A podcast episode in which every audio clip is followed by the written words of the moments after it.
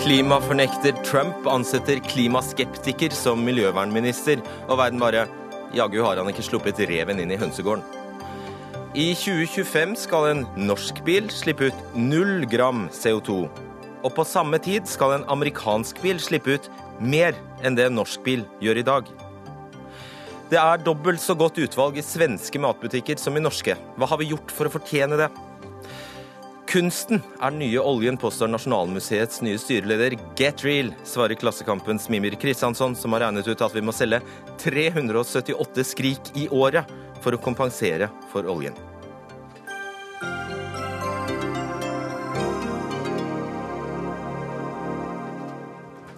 Velkommen til Dagsnytt 18 på NRK P2 og NRK2. Du tar følge med meg den neste timen. Fredrik Solvang heter jeg. Snart sitter en mann i Det hvite hus som eh, for en måned siden tvitret konseptet global oppvarming er oppfunnet av kineserne for å konkurrere ut amerikansk industri. Nå har Donald Trump valgt en klimaskeptiker som har saksøkt det samme miljøverndepartementet han nå skal lede en rekke ganger på vegne av olje- og gassindustrien i hjemstaten Oklahoma. Tove Bjørgaas, NRKs USA-korrespondent. Reaksjonene på utnevnelsen av Scott Pruitt har til dels vært preget av vantro. Hvorfor det? Fordi eh, en god del folk her hadde trodd at Trump kanskje ville bevege seg mot midten i klimasaken. Bl.a. fordi han tidligere i uka hadde et eh, oppsiktsvekkende møte med Al Gore i Trump Tower, som Al Gore var veldig fornøyd med. Vi vet jo at han har drevet eh, arbeid eh, for å fremme informasjon om global oppvarming. Men nå har Trump altså gått nøyaktig den andre veien og valgt noe av det mest konservative. En fiende av Miljøverndepartementet som leder for dette departementet. En av de aller mest kritiske han kunne finne. Ja, for denne Pruitt, Scott Pruitt er altså ja, øverste påtalemyndighet, en slags uh, statsadvokat i uh, Oklahoma. Kjent for som du sier, å saksøke føderale myndigheter som vil bl.a. redusere lokal luftforurensning, giftige utslipp fra kraftverk osv. Uh, videre. og han har kommet med noen hans, hans, En av hans hjertesaker er å reversere Obamas Clean Power Plan. Hva handler det om? Ja, han har altså saksøkt Miljøverndepartementet for utslippsregler i forhold til eh, kraftverk, kullkraftverk, også fra oljeindustrien. Eh, Oklahoma er en olje- og gassdelstat eh, og mener at regelverket er blitt håndhevet for strengt under Obama-administrasjonen. Det er jo slik at På Trumps side så er det ganske mange som ønsker å legge ned egentlig hele Miljøverndepartementet, fordi de ønsker ikke å ha noen slike reguleringer i USA. Så så langt ute på siden står han. Og han er altså da både imot Parisavtalen og har også sagt at han tror at klimaendringene ikke er eh, menneskeskapte. Guri Bang, forskningsleder ved CICERO. I valgkampen sa da Trump at han, eller da lovet han å trekke USA ut av Parisavtalen. Så har han, som eh, Tove Bjørgaas påpeker, hatt et møte med Al Gore og med andre miljøforkjempere som har blitt tolket eh, positivt. Men så velger han altså Scott Pruitt Pruitt. Din analyse av det? Eh, ja, jeg synes det sier mye om hva vi kan forvente av Donald Trump-administrasjonen. Det er helt klart nå at han vil forfølge de valgløftene han ga under valgkampen. Og da spesielt det han lova at han skulle fjerne EPA. Han kan ikke fjerne hele Miljøverndepartementet, selvfølgelig. Environmental Protection Agency, som ja. er for, og det er Miljøverndepartementet. Ja, eh, Så han kan ikke fjerne hele departementet. Men han kan gjøre veldig mye gjennom å innsette en leder som eh, kan uh, føre et lederskap der han prøver å svekke Eh, rollen til departementet i å forsvare de eh, lovene og reglene som eh, Eller de oppgavene som departementet har, da. Um, det Trump også kan gjøre, i tillegg til å utnevne Pruitt som leder, det er jo også at han kan prøve å svekke budsjettet til Environmental Protection Agency. Og Gjennom å svekke budsjettet så kan man da eh, begrense de ressursene som departementet har til å utføre oppgavene sine, rett og slett. Du ser, du ser trist ut. Ja, jeg syns det var dårlige nyheter, det må jeg si. Og jeg syns det eh, Ja, så mange hadde kanskje trodd at, eh, at Trump ville moderere seg Men denne, det her syns jeg er et veldig sånn, sterkt signal om at han ønsker å ha en veldig kraftig omlegging av energi- og klimapolitikk i USA. Han mener altså alvor, Tove Bjørga. Så denne Clean Power Plan, som altså er eh, Obamas hovedmekanisme for, å, for at USA skal oppfylle målene i Parisavtalen. Hva går den ut på? Nei, Den går ut på bl.a. å begrense utslippene fra både kraftverk, men også, for, eh, også fra, fra, biler. Og Det som er veldig viktig her, det er at mye av det Obama har fått til på klimafeltet de siste åtte årene, det har han fått til uten Kongressen. For i Senatet har det jo sittet i lange perioder en republikansk ledelse som er mot dette her. Så eh, det er gjennom mye såkalte executive orders at Obama har fått til det han har fått til. Og de kan jo Trump med et enkelt pennestrøk bare reversere. Derfor er det så ekstremt eh, viktig eh, hva presidenten gjør på, på dette feltet. Og Nå sitter altså republikanere med, med mange mange klimaskeptikere eh, og leder hele det politiske systemet her. Så det, det beste mange menn man kan håpe på, er kanskje at det ikke kommer til å skje noe som helst. At man bare kommer til å som, som sagt, nesten legge ned departementet og, og, det, ja, og, og, ikke innføre noen nye regler. Men man kan også se at man vil tilbakeføre mye av det som allerede er innført. Mm. Uh, Vidar Helgesen, klima- og miljøminister i eh, Høyre. Hvordan er sinnsstemningen din i dag? Nei, Jeg syns jo det gir grunn til bekymring. Uh, nå må vi la mannen få en mulighet til å vise hva han tenker å gjøre når han nå får dette embetet. Men det gir grunn til bekymring for det første fordi det at man setter til den jobben en som ikke tror på fakta om klimaendringene, det er bekymringsfullt. Eh, og det er ikke et spørsmål om å tro på forskning, det er jo et spørsmål om å tro på det vi ser skje. Eh, USA er på samme måte som Norge en arktisk nasjon.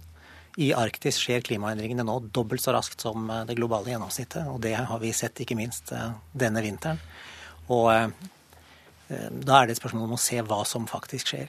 I det at klimaendringene skjer, og at det er en stor bevissthet også i USA om at de skjer, så ligger det jo også et håp. Og én ting som er viktig å ha for seg her, er at selv om presidenten er viktig, og selv om EPA er viktig, så ligger det aller meste av myndigheten når det gjelder energipolitikk, på delstatsnivå. Og der skjer det veldig mye. Eh, jeg møtte Californias miljøminister eh, under klimakonferansen i Marrakech for ikke så lenge siden. Han var veldig tydelig på at de kommer til å kjøre på. Så er altså California skiller seg kraftig ut? Det skal ja, vi men du skal også huske på at den største oljestaten i USA, Texas, er også den største, nei, største solstaten. Og eh, det betyr at det skjer en energiomlegging der ute som jeg tror kommer til å fortsette.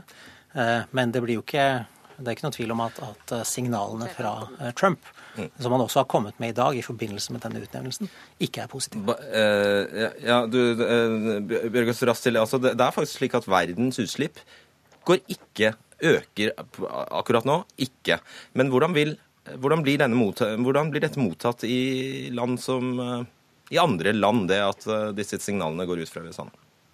Det er klart at Uten USA så blir det ikke noen eh, ordentlig global klimapolitikk. for USA står for en veldig stor del av utslippene i verden. Eh, den intensjonsavtalen vi har laget med Kina er veldig viktig.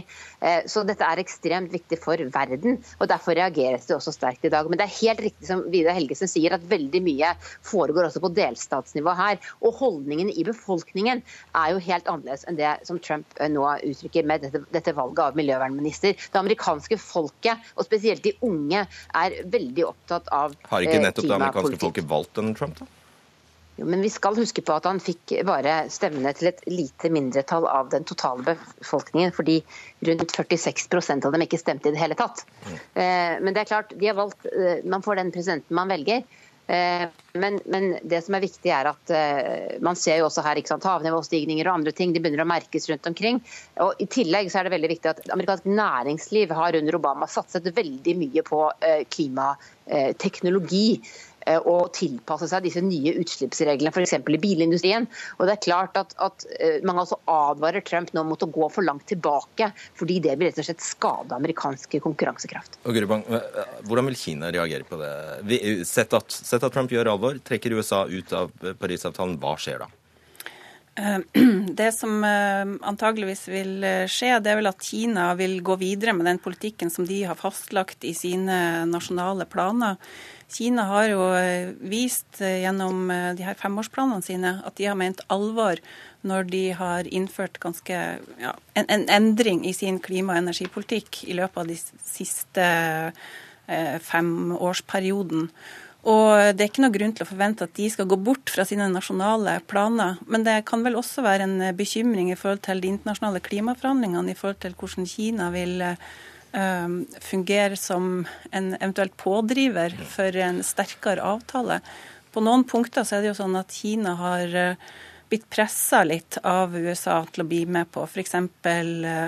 Eh, rapportering eh, og andre viktige elementer av Parisavtalen. Sånn at eh, akkurat den funksjonen, eller akkurat de elementene der, når USA faller bort som leder internasjonalt, så, så er det ikke sikkert at Kina vil kunne følge opp på de punktene. Vi skal se på noen interessante fakta. I USA koster bensin om lag 7 kroner literen, i Norge mellom 15-16 kroner. Mm. Utslipp i Norge per nybil er på 93 gram per kilometer. I USA er det samme utslippet på 256 gram per kilometer. I Norge har vi i dag et mål jeg tror det er rettferdig å si det, at vi har et mål nå på 85 gram, at vi skal ned til 85 gram per kilometer. I USA er det samme målet nå på 132 gram. I 2025 har dere Vidar Helgesen, sagt at det ikke skal selges fossilbiler i Norge. Altså er utslippsmålet 0 gram per kilometer. I USA er det samme målet 102 gram per km i 2025. I Norge har vi 2,65 millioner biler. I USA har de akkurat 100 ganger det. 256 millioner biler. Disse 2,65 millionene bilene tilsvarer salget av biler i oktober i Kina. Eh, Tove Bjørgaas, USA planlegger altså å slippe ut mer per bil i 2025 enn vi, eh, eh, enn vi, gjør i dag. Hva sier det om ambisjonene på dette feltet? Du var innom det, men hva sier det? Det sier først og fremst at dette er et eh, ganske annet samfunn eh, der bilen alltid har spilt en veldig sentral rolle. Og der selv det å få gjennom en bensinavgift har vært umulig i, i mange mange tiår også under Obama, og også når demokratene satt med makten i begge hus i Kongressen. Eh, og det vi også ser er at Når bensinprisen går ned, slik den har gjort de siste årene Det var jo veldig høy bensinpris for fire-fem år tilbake. Da kjøpte veldig mange hybridbiler og sånn. Men nå eh, kjøper folk igjen de store bensinslukerne sine. Selv om at de også er blitt mer utslippsvennlige, så vil amerikanere fortsatt ha disse store eh, bilene mm. som slipper ut mer. Så det, det, er bare holdninger som er annerledes. Og, og, og som sagt, bilen eh, spiller en annen rolle. Men en annen ting er også selvfølgelig det som handler om energi. Og f.eks. kullkraft. Eh, det å kunne rense kull er en annen debatt som har gått her. Jeg har snakket med mange eksperter om det, som mener at det er egentlig helt umulig å rense kull, og at det er forferdelig dyrt. Men likevel så har altså kullindustrien en veldig sterk lobby her, og man bruker masse penger på å overbevise politikerne om at man må rense kull istedenfor å begynne med andre energiformer. Guri Bang, hva forteller, de, hva forteller den sammenligningen deg? Eh, det forteller meg at eh, USA er en utrolig viktig aktør i internasjonal klimapolitikk for å få ned utslippene. Og det er jo dessverre også sånn at hvis en av de viktigste aktørene går bort fra sine løfter og ikke eh, gjør det de skal i forhold til Parisavtalen, så eh, vil det kanskje ha en smitteeffekt på, på, på andre land. For disse utslippsmålene for eksempel, som, da, som jeg da refererte til finnes i, i USA, det er, det er Obamas? Ja. Eh, Obama har jo gjort en eh, kjempejobb egentlig med å innføre strenge standarder for biler i USA, og fått det mye, mye bedre enn det det var. Og det skal også sies at I noen delstater så ønsker man å gå enda lenger. California er jo et eksempel på en delstat som går foran også der. Det var California sin politikk på delstatsnivå som pressa fram de endringene som Obama videreførte til føderalt nivå. Mm. Og Det er jo håp om at det skal kunne skje igjen, for California gir seg ikke. Siste spørsmål i denne runden går til deg, Helg Helgesen. Altså da 2,65 millioner biler, om de blir gullende, aldri så gullende rene, hva har det å si? Jo, om de eller for å si det slik, det du, eh, De tallene du nevner fra USA, det forteller oss jo at det USA gjør på hjemmebane, det betyr veldig mye det det for verdensklima. Mm. Det vi gjør på hjemmebane, betyr en del for norsk konkurransekraft. Det å bygge en grønn konkurransekraft for Norge. Men for globale klimautslipp betyr det ganske lite. Eh, men det USA gjør på hjemmebane, har betydning for de faktiske utslippene globalt. Og det har betydning for de glo den globale dynamikken i klimaforhandlingene. Vi... Så Derfor er det uh, ikke så uh, oppløftende nyheter som har kommet ut fra Washington i dag. Vi sier takk til dere, Tove Bjørgaas og Guri Bang. Dagsnytt 18 alle hverdager kl 18.00 på NRK P2 og NRK2.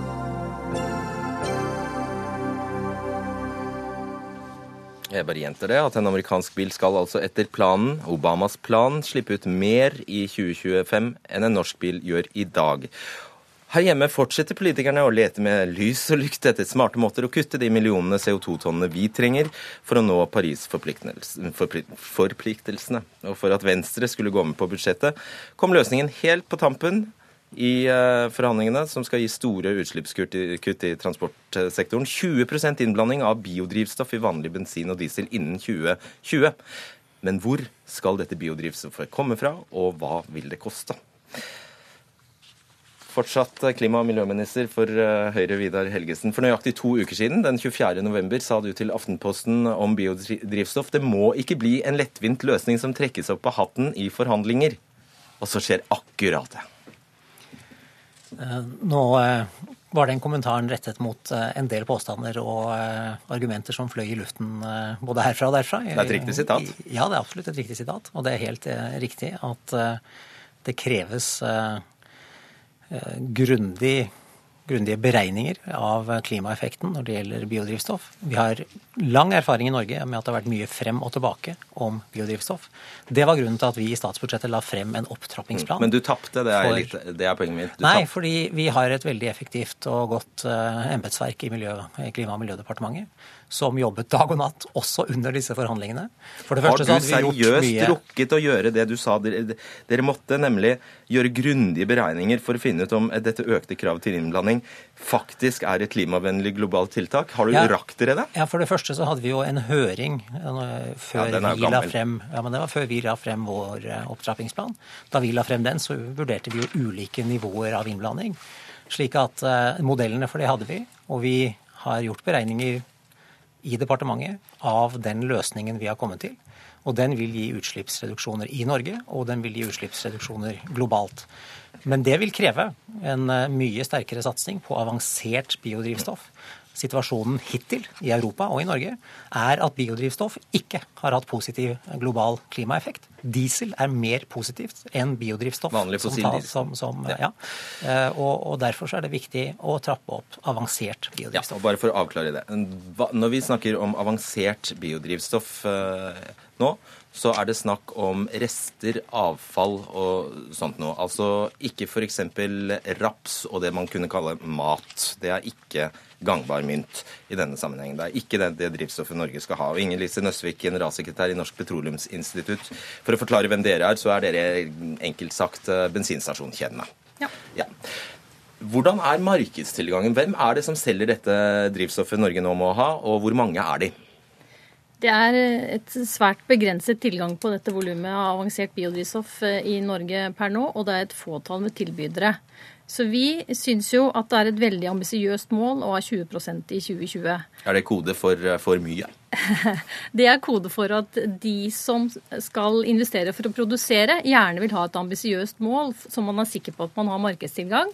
Mens de som skal omsette, som, som skal oppfylle kravet, er veldig opptatt av å faktisk få tilgang til disse volumene. Er det kode for at det blir dyrt? Biodrivstoff er dyrere enn fossilt drivstoff. Det er det. Okay, vi kommer tilbake til det.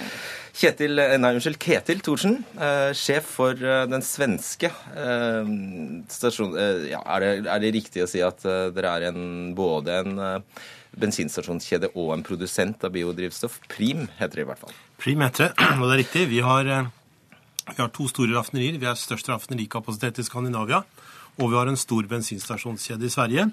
Og vi har akkurat oppretta terminal og starta virksomhet i Norge. Og dere jublet da denne beskjeden kom en eh, sen fredagskveld om at eh, Norge nå trapper opp til 20% For dere gikk ut sporenstreks og sa dette kan vi levere. Ja, Vi sa at vi kan levere betydelige mengder av dette her allerede når det kom ut en høring. Og, og det er jo riktig som det blir sagt at det er et begrenset antall eh, produsenter av denne varen. Den er ikke så begrenset som man kan tro. Og jeg tror det er viktig å legge litt ambisjoner, slik som regjeringen har gjort, for å stimulere industrien, og særlig da de som produserer råstoffet. Hva er dette råstoffet? Ja, det Råstoffet kan være flere ting. Eh, vi bruker i Sverige en god del eh, avfallsprodukter fra svensk skogsindustri, fra papirmasseindustrien.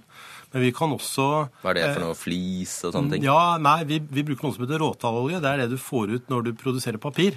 Um, og, og, raffinerer det, så vi får en råtalldiesel, og så skipper vi det inn i raffineriene og får diesel. Men vi kan òg bruke avfall fra slakterier, eh, matavhold fra storkjøkken osv. osv. Og for Prim så var det jo viktig å tenke litt langsiktig og prøve å løse et problem og ikke skape et nytt. Så arbeidet som vi har lagt ned for å være selektiv med hvilke råstoffer vi bruker, eh, det kan ikke vektlegges nok. Og, Nei, og da snakker vi egentlig om å sjalte ut det, eller det vil si bare bruke det dere kan garantere er faktisk globalt klimavennlig. Det som gir et netto, et netto, en nettogevinst. Hvis ja. ikke så er det jo ingen vits. Nei, hvis ikke så er det ingen vits. Det er, det er vår holdning, da. Mm -mm. Eh, Erik Landstein, du er daglig leder i Norges Skogeierforbund. Og du leste også hva Helgesen sa til Aftenposten. Eh, og da, da sier du til meg at du oppfatter faktisk at Helgesen mer er eh, problemet enn løsningen. Hva mener du med det? Nei, det regjeringen har lagt fram, er jo en plan hvor man gradvis vil opptrappe over flere år. Det er første gang eh, det har skjedd. Eh, og det er et stort fremskritt. Eh, vi skulle ønske at den planen gikk lenger enn til 2020. fordi hvis vi skal komme i gang med produksjonen av det mest avanserte biodrivstoffet, det som er altså best, altså best klimanytte, ja, enten i Norge eller Sverige og Finland, så er det klart at det å ha forutsigbarhet for dette markedet utover 2020, det er det aller viktigste vi kan gjøre for å få i gang disse industriinvesteringene. Og det du egentlig sier da, er at ingen tør å starte starte en fabrikk som skal lage dette, hvis de ikke har forsikringer om at dette er en politikk Helgesen et co. har tenkt å videreføre. Ja, men eh, jeg vil ikke si at Helgesen er, alene er problemet, for vi må si hele det norske politiske systemet har vært problemet. Så Helgesen er jo den første ministeren som faktisk har lagt fram en flerårig opptrappingsplan. Og så eh, går man nå i Stortinget og sier vi, vi vil gjøre dette enda raskere. Og det vi trenger for å kunne utløse milliardinvesteringer i ny industri, enten om det blir i Norge eller i våre naboland, det er jo at man sier at dette er noe vi vil fortsette med fram mot 2030. Og det mener vi burde kunne si, fordi det er ikke mulig å nå klimamålene som man har satt seg på transportsektoren, hvis vi ikke tar i bruk biodrivstoff i stort omfang. Du skal få svare på det, Helgesen, men bare kort. Du liker ikke at vi må basere oss utelukkende på import? Fram mot 2020? Nei, altså Hvis man hadde sagt det man sier nå, som er veldig klokt for noen, eh, noen, år siden, så hadde det vært mye bedre. For da hadde vi fått litt bedre tid til å tilpasse oss. Det hadde vært enklere for bensinstasjonene, og det hadde vært helt, det er en helt avgjørende forskjell for industrien. Ok, Litt ros, litt uh, ris. Jeg er jo enig i at uh, dette burde vært gjort for flere år siden. Men uh, da hadde man en slags tro på at bare det sto bio foran, så var det grønt og miljøvennlig. Vi har jo lært en del siden den gangen. Og så er det sånn at uh, vi legger nå frem en opptrappingsplan. Og Bare fram til 2020? Ja, men jeg kan berolige Landstein med at norsk og internasjonal klimapolitikk kommer til å bli strammere i årene fremover. Så det er ingen grunn til å tvile på det. Og det er helt riktig, vi kommer til å trenge biodrivstoff, avansert biodrivstoff, i større omfang hvis vi skal klare kuttene i transportsektoren. Men det er ikke bare, jeg vil bare avbryte det. Og så er det én ting til som er veldig viktig i det Stortinget har vedtatt, og det vi, vi i eh, samarbeidspartiene har vedtatt, det er at regjeringen skal følge utviklingen i markedet for avansert biodrivstoff tett, sånn at vi hele tiden vurderer eh, ståa og sikrer at vi ikke kommer i en situasjon hvor eh, netto utslipp fra biodrivstoff blir um, negativ for klimaet. Ja, det, har, og det er en viktig premiss ja, det er veldig, i denne diskusjonen. er vi alle enige om. Det må jo være viktig. Men eh, svar på det. Eh, du hører her at per i dag, for det første, baserer, må du basere deg utelukkende på import av dette drivstoffet. Og når det er da sånn at den norske regjeringen sier Hei, vi er Norge. Vi trenger 35 millioner liter biodrivstoff nå. Eh, og det finnes kanskje to stykker som kan levere det. Da har de et ganske godt grep om deg og Norge. Hadde jeg vært en sånn eh, leverandør, så hadde jeg sagt det kan du godt få, men det koster deg.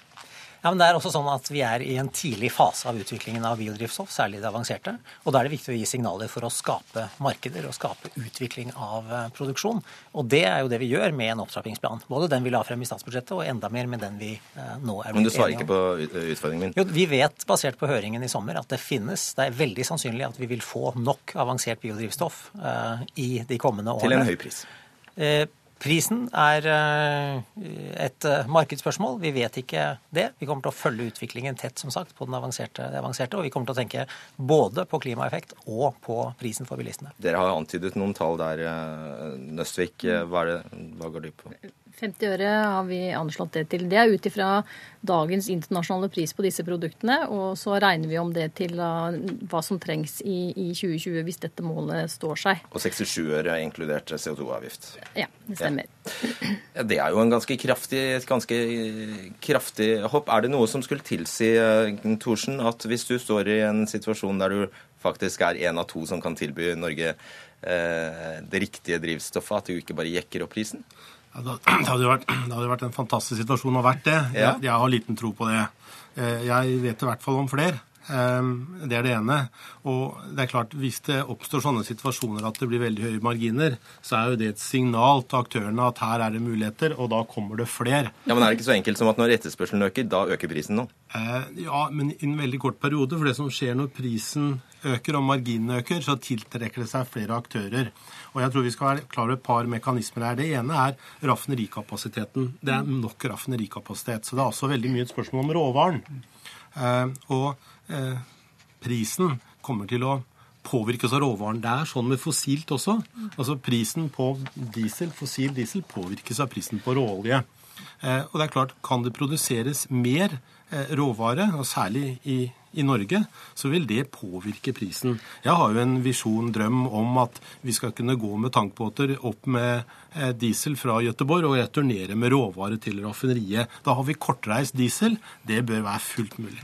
Nå ser jeg du, du, du, du får stjerner i blikket. Ja, det den, det rørende vakkert, men den, denne visjonen blir enda vakrere hvis vi klarer å få etablert noen av disse bedriftene. Men var det ikke da veldig interessant det Thorsen sa, at det er nok raffinerikapasitet eh, per i dag? Og det du drømmer om, er jo at fabrikkene skal være i Norge. Hvis ikke så blir Norge igjen bare en råvareleverandør. Ja, altså Vi har en kjempeutfordring i Norge i forhold til Sverige og Finland, som har langt mer offensiv industripolitikk, har vært mer offensive når det gjelder biodrivstoff, så vi, vi, kommer etter. Men nå settes det inn et kjempestøt fra regjeringens side, så vi tror at, eh, at dette vil kunne gå i Norge. Men det norske biodrivstoffet vil jo være automatisk mye dyrere enn det eh, finske eller svenske, fordi de har en ferdig fabrikk. Må, du, du, må legge inn prisen for, for, å bygge en ny fabrikk, pluss råstoffet. Pluss, pluss, pluss. Men man eh, har også en fordel i forhold til transportkapasitet, og vi har raffineringskapasitet, og vi har mange dyktige industrimiljøer. Og det vi registrerer, er at eh, Borregaard allerede har bekreftet i media at eh, regjeringens politikk det eh, gjør deres satsing mer robust. Og jeg hadde, ble oppsøkt av en meget seriøs industriaktør i dag som ønsker å se på løsninger eh, knyttet til eh, det norske markedet basert på disse signalene. Og Borregaard de lager eh, etanol av eh, bl.a. trevirke. ikke sant? Helgesen, har du lagt inn noen mekanismer som hindrer at prisene løper løpsk? Det vi sier er at vi skal vurdere utviklingen tett, og det kommer vi til å gjøre. Og så skal vi lage en forskrift nå som skal ut på høring, så vi har en mulighet til å nettopp fange opp ulike signaler. Ja, men Stanser du prosjektet hvis det løper løpsk? Vi er nødt til å nå uh, ha den runden med høring, og så må vi definere hva det betyr at vi skal følge uh, utviklingen tett. Og Da må vi ta hensyn til klimaeffekt, og vi må ta hensyn til prisutvikling. Men jeg har lyst til å si at uh, det regjeringen har gjort sammen med samarbeidspartiene, det er veldig bra for mulighetene for norsk næringsutvikling, som Landstein her sier, og for å utnytte den grønne bioøkonomien bedre. Men det er også sånn at Norge er ikke alene her. Det er et europeisk marked. Biodrivstoff reguleres av europeiske reguleringer. Og Europakommisjonen har nettopp lagt frem et forslag som også styrker kravet til avansert biodrivstoff. Og Det betyr at den markedsstimulansen som eh, vi gjør veldig sterkt i Norge, den gjør også EU-kommisjonen nå. Og eh, det betyr at vi får antagelig en sterk utvikling i det europeiske markedet i årene fremover. Likevel, eh, dere i Petroleumsinstituttet er heller ikke fornøyd med langsiktigheten her. Dere ønsket også en mer langsiktig, en klar plan. Jeg er veldig enig med, med Landstein at for, både for produsenter og for omsettere er det en fordel, hvis vi kan ha en langsiktig plan til 2030. Helst en veldig breit forankret en, sånn at ikke noen eventuelle regjeringsskifter skaper trøbbel. Eh, det, det, er en fordel for absolutt alle. For vi, vår bransje vil også gjerne være med på å bidra til å oppfylle dette, selvfølgelig. Men, eh, men våre omsettere er veldig opptatt av å ha tilgangen på avansert. Så vi er sikre på at vi gir en ordentlig klimaeffekt. Hvis ikke er det jo ikke noe poeng, det her. Nei, og bare til det, eh, Thorsen. Hvordan kan du garantere det? At det blir summa summarum en global klima, positiv klimaeffekt? Ja, vi baserer oss jo på EU-regler når, når vi regner ut det. Eh, det fins et direktiv eh, fra 2009, og det er veldig tydelig hvordan dette skal regnes ut. Så det produktet som YX eh, lanserer, som er vårt produkt, i, i januar, det har en klimaeffekt på 17 altså det reduserer utslipp med 17% Så kan man kjøpe helt det vi kaller ren HVO, og da får man en, en klimaeffekt på 88% Og da regner vi fra kilden til bakhjulet på bilen, altså well to wheel.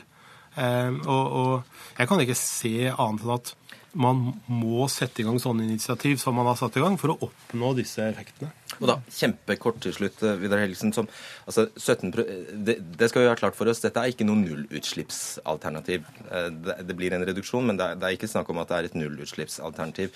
Og dere vil jo ha flest over på el. Bare et spørsmål jeg tror mange har lurt på. Hva, hva skal i 2025, når, når, når det ikke skal selges fossilbiler Én av tre nordmenn kjører på bilferie. Det er sånn de ferierer. Hva skal de gjøre? Elbilene er i rivende utvikling. Eh, vårt mål om at det ikke skal selges for nye fossilbiler fra 2025, det har Miljødirektoratet sagt er realistisk. De som fortsatt kjører på fossil etter det, vil eh, kunne bruke mer biodrivstoff. Men det er ikke ladestasjoner men, på Balkan hvis du vil på men, Nei, men det, det skjer ting også i Europa. Det er ikke bare Norge dette dreier seg om. Og så er det også sånn at eh, det som virkelig kommer til å trenge biodrivstoff fremover, det er jo luftfarten. For der er ikke andre alternativer eh, like sannsynlig på kort sikt. Så jeg ser på personbilmarkedet for biodrivstoff som et overgangsfenomen. Det er andre, eh, andre bruksmåter som kommer til å være viktigere fremover. Håper dette var litt opplysende. Tusen takk skal dere ha. Vidar Helgesen, Ketil Thorsen, Inger-Lise Nøstvik og Erik Landstein. Så skal jeg bare mm, legge til at du må følge med videre i sendingen hvis du vil høre om Nasjonalmuseets påtroppende styreleder, som altså mener at kunsten er den nye oljen. Ja vel, hvis kunsten er den nye oljen, må vi selge 378 skrikbilder i året, sier Klassekampens Mimir Kristiansen.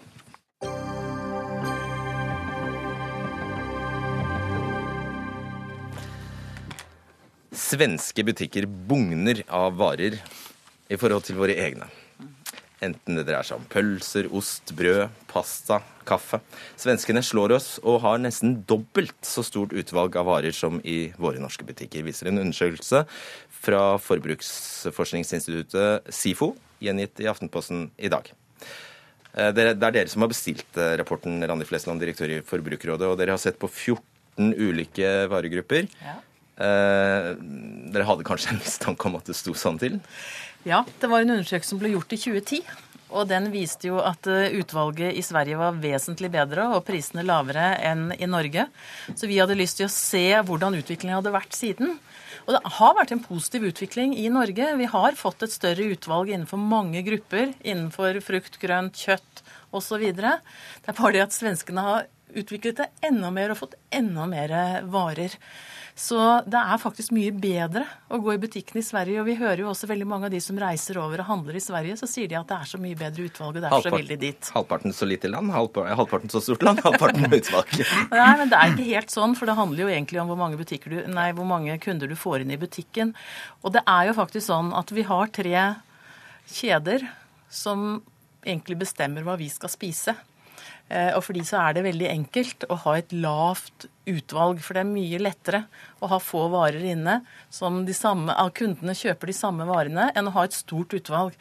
Så vi i Forbrukerrådet vi gjentar oss selv. Vi ønsker at man skal slippe til veldig mange flere leverandører, også de små og de mellomstore, så det kommer mer varer i hyllene. Så det er jeg og du som forbruker som får velge hva vi vil kjøpe, og ikke de tre innkjøpssjefene som her er representert ved Vegard Kjus, administrerende direktør i Meny AS, altså en av flere butikkjeder i Norgesgruppen, som også eier Kiwi, eh, Joker og Spar, bl.a.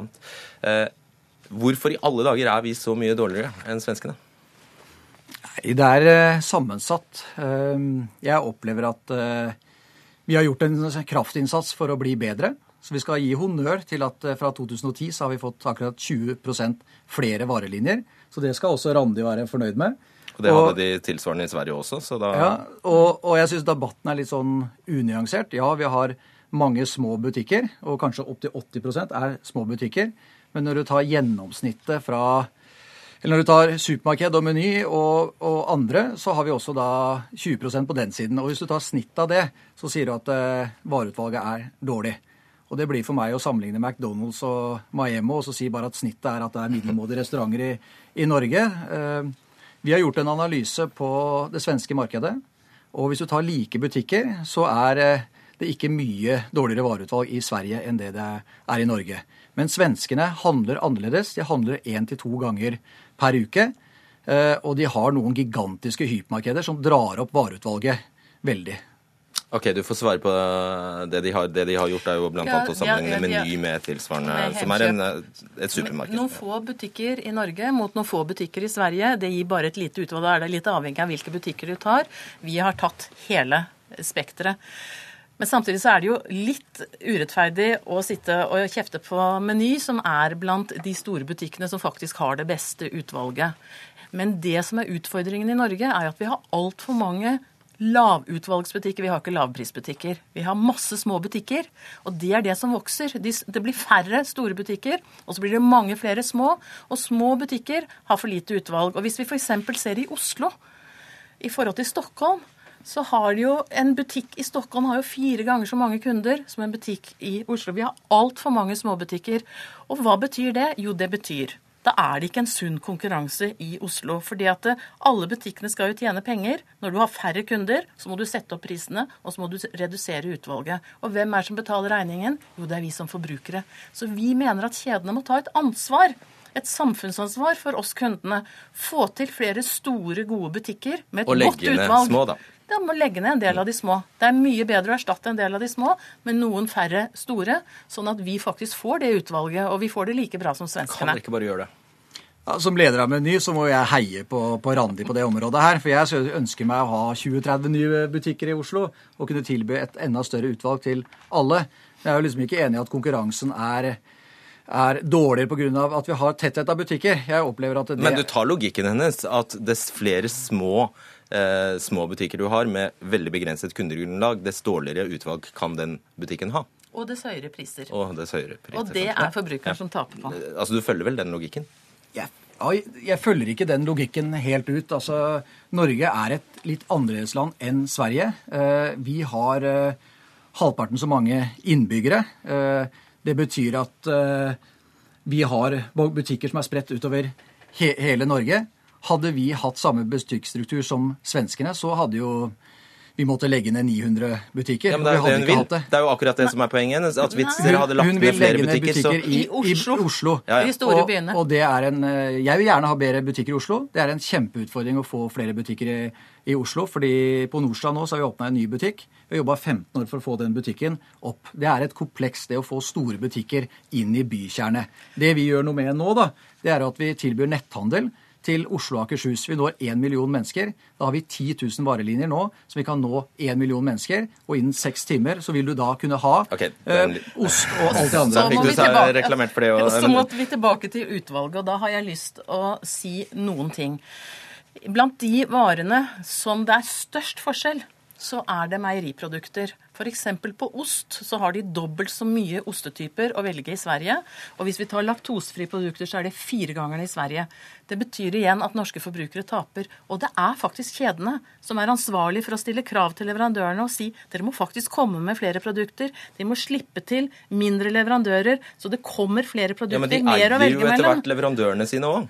Ja, men det får de ikke lov til. Det får nå være grenser. Her må jo Konkurransetilsynet komme inn og rydde opp. Sånn at eh, vi må, vi må rett og slett få til dette utvalget. Og da tror jeg norske forbrukere vil være fornøyd. For det som er litt interessant, er at selv om det er en bedring i ferskvare, sånn som frukt, grønnsaker, kjøtt, så er likevel nordmenn blant de minst fornøyde i forhold til ferskvare i forhold til resten av Europa. Så selv om det er bra, så sier norske forbrukere det er ikke bra nok, skjerp dere.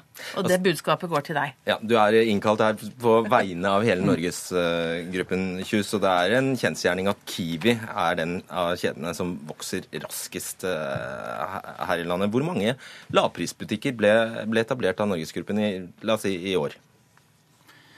Nei, De siste årene så har det vel etablert en eh, 30 butikker i året eh, av lavprisbutikker. Men eh, Norgesgruppen har satsa veldig hardt på å etablere utvalgsbutikker. Fra 2010 til eh, i dag så har vi etablert 50 nye menybutikker. Og vi har investert for å gi den norske forbrukeren et økt vareutvalg. Bare på ost, som Randi drar opp som et eksempel, har vi 400 oster i grunnsortiment. Det er derfor jeg ber en sammenligne like for like, og sier at 300 er snittet i, i, i Sverige. På ost så har vi opptil 800 oster på de beste butikkene. Ja, det, og det er det jeg du. sier. Det Ja, er men det er det. du. Vi må få flere Jo, men, men butikker det er ikke det det handler om. For det er kun, butikker, kundene kan gå til oss. Vi har 200 butikker. Vi er spredt på alle byene, og kundene har det valget. Okay, men at de, ja, men at ja. de kan handle hos oss. Og da har vi faktisk 800 oster på de største butikkene å tilby. Og vi har har- ett klikk unna, så har du innen seks timer har du også osten din rett hjem. Vi vil ha flere store hypermarkeder, supermarkeder. Vi har hatt en nedgang på 55% siden 2008. Vi har hatt en økning i lavutvalgsbutikker, små butikker på 26% Det er ikke bra for nordmenn. Altså, vi, vi kan sitte og kverulere om antall oster og, eh, og, og så videre her, men det vi alle vet, Kjus, og det vet, du også, en tur til utlandet gjør deg irritert. Fordi du ser hva vi går glipp av. Det er du enig i, er du ikke? Du, jeg vil si det at uh, utvalgsbutikker uh, er på vei ned i Nei, den, hy i den ja. hypermarkedsdelen som Randi tar opp. Altså, Nei, svar på det jeg spurte om. Ja. Altså, det er, det, dette kan du se med det blotte øyet, og alle nordmenn opplever det. Utvalget de opplever i hvilket som helst utland, Mm. er bare veldig mye bedre enn i norske butikker. Kan du være enig i det? Det er Eller har du helt andre briller enn alle andre? Det er derfor Nei, altså jeg er mener, at, jeg mener at analysene ikke er nyansert nok. Vi har etablert 100 butikker i Danmark, og vi ser at vi greier å tilføre det danske markedet både på fersk fisk, bare på på mange varelinjer, og vi har 2000, så Men nå der- representerer du alle dagligvarekjeder Ja, når men- du er her, på si- hele Norgesgruppen. Så du må ikke snakke om særbutikkene, du må snakke om det det er mest av. Vi får det avslutte veldig som kort, er- Ja. Ja. Eh, gigantbutikker ønsker ikke den norske forbrukeren. Så det kommer ikke til å bli etablert noen gigantbutikker Det er. I, i, i Norge. Det egen kommer feil, til å bli etablert flere menybutikker, det er det jeg vil si. Med godt vareutvalg. Takk skal dere ha. Randi Flesland og Vegard Kyss.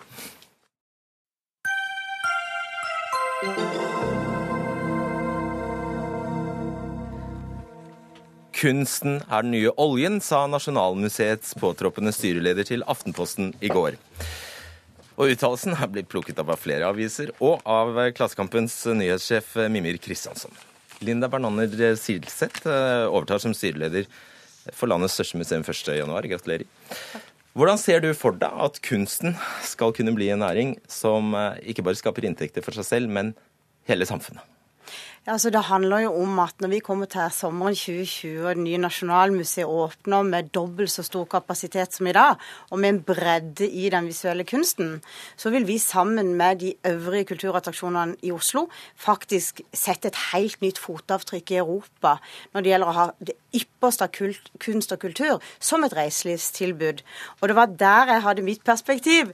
Det var at jeg syns at reiselivsmarkedsføringen av Norge skal få en større substans og at vi i tillegg til å markedsføre våre vakre fjell og fjorder og vårt fantastiske teknologiske næringsliv, så skal vi også nå kunne briljere med det ypperste og det fremste av kunst og kultur. Kunstturisme, ikke sant? Helt korrekt. Kunst- og kulturturisme. Mimir Kristiansson, nyhetssjef i Klassekampen. Du har gjort et lite regnestykke. Hva kom det til? Jeg kom til at man må selge for å erstatte statens oljeinntekter må man selge 378 eksemplarer av Skrik hvert eneste år til en markedspris på 650 millioner kroner. Og det baserer seg altså, Med mindre man skal lage oljemalerier, som selvfølgelig er en løsning, så baserer det seg på at alle andre i verden ikke er i stand til å lage kunst. Og det som irriterer meg, som er fra Stavanger, det er at det synes som om mange folk ikke forstår hvor stor næring oljen er, og hvor mye det betyr. Jeg kan bare lese opp noen ting. Laks er den nye oljen. IT-bransjen er den nye oljen. Blåbær er den nye oljen. Klarnet smør er den nye oljen. Asylmottak er den nye oljen. Kunnskap er framtidas olje. Reklame er den nye oljen. Og etter oljen skal vi leve av øl. Og dette er sånne ting som folk slenger ut seg med. Og det er fornærmende overfor de mange hundre tusen menneskene som jobber i en næring som tross alt tar regningen ikke minst for hele Kultur-Norge. Ikke et vondt om kunstnere. Mange av mine beste venner er kunstnere. Men jeg må dessverre si de klarer knapt å forsørge seg sjøl. Enda mindre å betale skatteinntekter som kan generere den typen velstand som oljen har gitt oss. Oh, Hva vil du si til dette? Nei, altså, det, Vi lever jo i et demokrati, heldigvis. så jeg tenker at eh, Det å ha litt brytning og meningsmessig er jo, er jo, veldig sunt. Men det handler jo om at det er jo skattebetalerne som du trekker inn i dette, og staten Norge som står bak Norges største kulturprosjekt noensinne, med 6 milliarder som investeres på Vestbanen fra sommeren 2020. Og Da tenker jeg at vi alle har et ansvar for å tenke ut nye næringsveier, eller tenke hvordan vi kan på en måte øke tilfanget av turisme, som er en ny eksportnæring for oss nå. Så du synes ikke han har et poeng? Poeng i det hele tatt? Ser ikke Jeg ser absolutt et poeng. Han sier at, eh, at, flere vil på en måte tenke kreativt og innovativt rundt hvordan vi kan utnytte mer de eksisterende næringsveier og den kulturen og kunsten vi har i Norge. Jeg tenker det er veldig bra. Og jeg tenker også at Nasjonalmuseet, som jeg har tenkt i, i det jeg har uttalt om den nye oljen, også skal være en arena for både unge utøvende kunstnere og den gamle, kjente, kjære kunsten som vi ivaretar på vegne av alle nordmenn. Og Da skal museet også romme eh, eh, rett og slett nye, nye, næringsdrivende og nye kunstuttrykk. Right, jeg får jo en følelse av at uh, stakkars uh, Silseth her blir offer for litt oppdemma frustrasjon, Kristiansson. Men ser du noen fellestrekk mellom de som misbruker da, det, det, din mening, dette uttrykket, den siste oljen? Eller hva skal vi leve, det vi skal leve av etter oljen? Jeg syns de veldig ofte bor i Oslo. Eh, jeg syns de veldig sjelden har bakgrunn fra det jeg vil kalle produktive næringer, enten det er fra industrien eller fra oljebransjen eller fra hva det skulle være. Eh, jeg tror veldig ofte de har til felles at de lever på regningen eh, til oljearbeiderne, som tross alt eh, er med å utvinne de verdiene som betaler for sånne ting som Nasjonalmuseet. Og for all del, jeg er ikke noe mot at man skal bruke penger på kunst og kultur i Norge. Er det opp til meg, så burde man brukt enda mer penger på det, med enda mer oljepenger på det. Men la oss get real her. Altså, Du snakker om fotavtrykk i Europa. Trollplattformen alene, Trollplattformen alene leverer altså gass til 10% av alle husstandene i Europa. Det er vårt fotavtrykk i Europa. Du snakker om et stort bygg til 6 milliarder. Altså, Oljeinvesteringene falt alene i fjor med mange titalls milliarder. Eh, Trollplattformen nok en gang er et av de største menneskeskapte byggverkene som finnes. Alt dette er enormt stort. Og det å late som om det kan erstattes av noe kunst og kultur og utøvende kunstnere, jippi-kayei og gøy, og i framtida skal vi alle sammen ha empati med hverandre, det går ikke, dessverre. I framtida må vi jobbe, om ikke med olje, så med noe annet. Og så skal vi forhåpentligvis ha penger nok til å betale for kunst etter vi har jobber ferdig de åtte timene vi skal jobbe hver dag. Han tar deg jo egentlig i eh, det han mener er en slags floskelbruk, da, Silseth. Jeg skal bare legge til noen tall her. altså i fjor sto oljevirksomheten for 16,1% av BNP i Norge. Over 502 milliarder kroner i verdiskapning, følge Norsk olje og gass. Så kreative, altså kunst, kreative næringer, hvis vi ser stort på det, eh, sto for da eh, Altså, det er snakk om Er det 3% 3% Og da ser man stort på det. Så uansett har du feil. Ja, Når premissen legges på denne måten, så har sikkert programlederen rett i det. Men dette handler jo rett og slett om at vi må tenke utover en krisesituasjon i Rogaland som har ramma hele Norge. Er det noe som er distriktsvennlig, så er det å satse på reiseliv. Men reiselivet trenger å fornye seg. Og når vi da får den kunst- og kulturhovedstaden i Oslo, å ha med oss resten av museumene i Norge, som rommer mange arbeidsplasser, og som rett og slett er viktige attraksjoner for å få flere turister inn på flyene, som skal fylle hotellsengene våre. Og reiseliv er faktisk den næringa, med unntak av 9-11, som har vokst mest hvert år uh, i verdenssammenheng. Så dette er en ny næring, og det er det jeg legger i den nye oljen. Det er at kunst og kultur må brukes mye mer, og bygge Norge som en merkevare Eh, i Europa og ut i verden. for å få flere turister hit. Og Det er det vanskelig å være uenig i? vel? Det er mulig å være uenig i det, og det skal jeg prøve å være. For det første så mener jeg at eh, veien videre for Norge må være å satse på andre produktive næringer. Ta bare hotellsektoren som eksempel. Hotellsektoren mange steder i Norge er i krise av den enkle grunn at folk ikke lenger flyr i oljebransjen.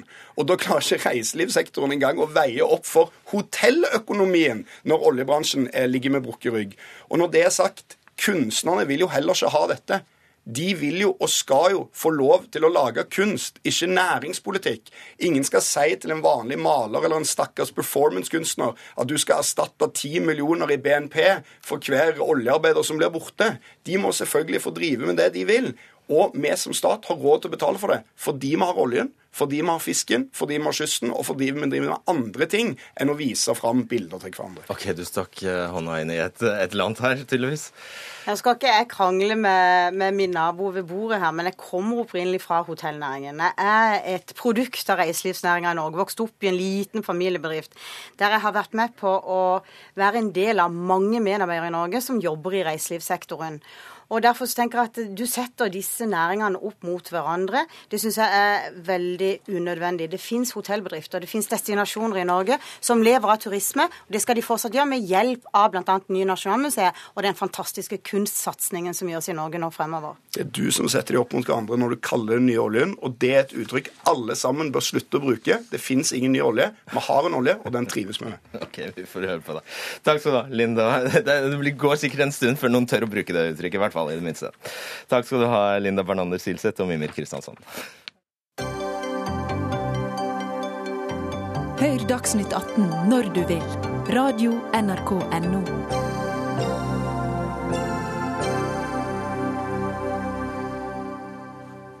Budsjettkrisen kan føre til en tillitskrise mellom folk og politikere, skrev Emil André Erstad i Agenda på NRK Ytring.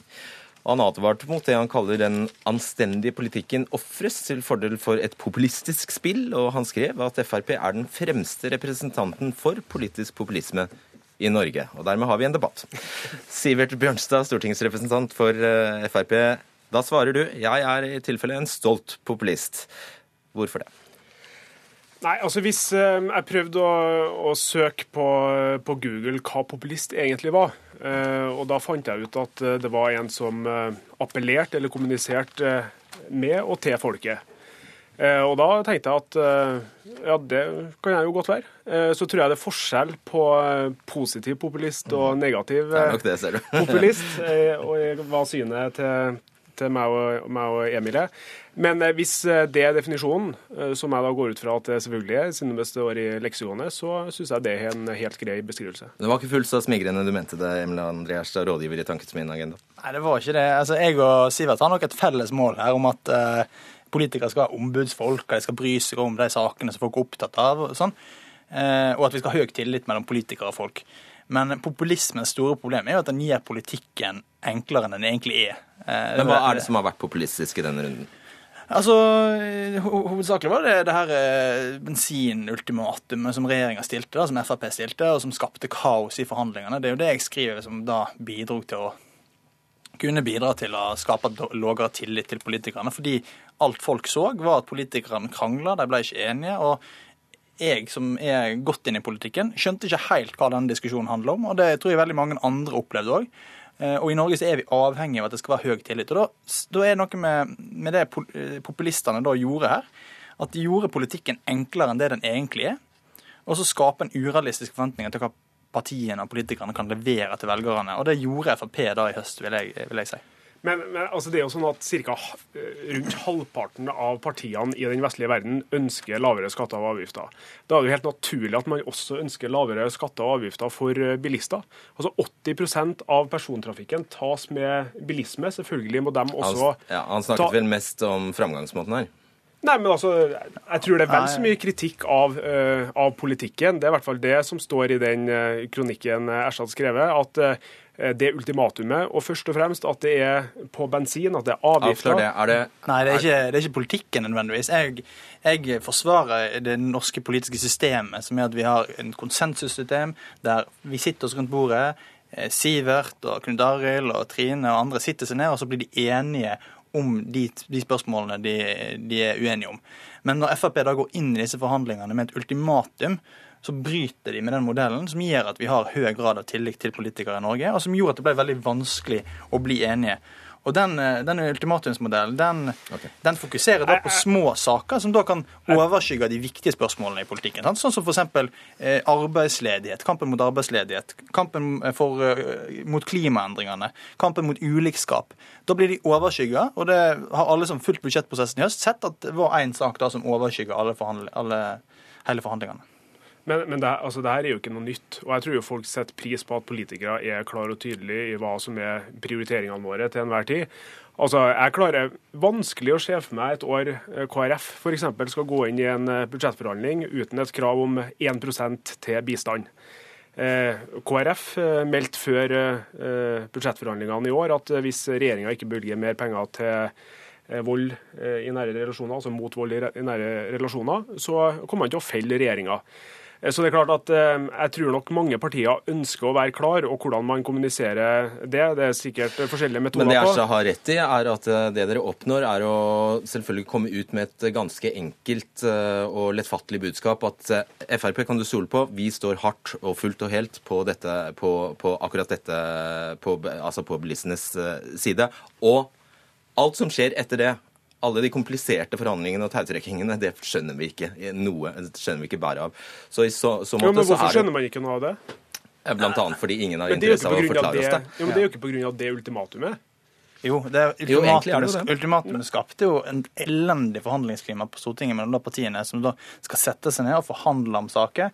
Og de sakene du refererer til som de andre partiene er opptatt av, sant? De, de satt ikke seg ned og sa ultimatum på de sakene. Jo, Nei, de gikk altså- inn i forhandlingene og så sa de la oss bli enige om heilskapen. Og det er forskjellen. Men, men, samtidig så sier jo vi at ja, vi ønsker å forhandle på 99,9% av budsjettet, alt det som ligger utafor den bilpakken. Men vi hadde behov for å si at eh, bilpakken er så langt vi kan gå på ett år.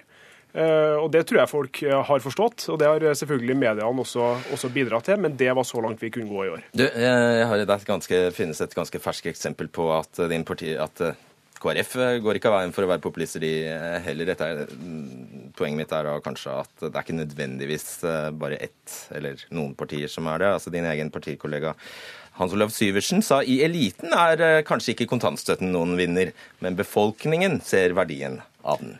Jeg, jeg, jeg, mener som sagt, jeg er enig med, med Sivert i at politikere skal være ombudsfolk. Skal bry seg om saker folk er opptatt av. Eh, så mener jeg at eh, det er ganske langt fra å være opptatt av kontantstøtten til å være populist.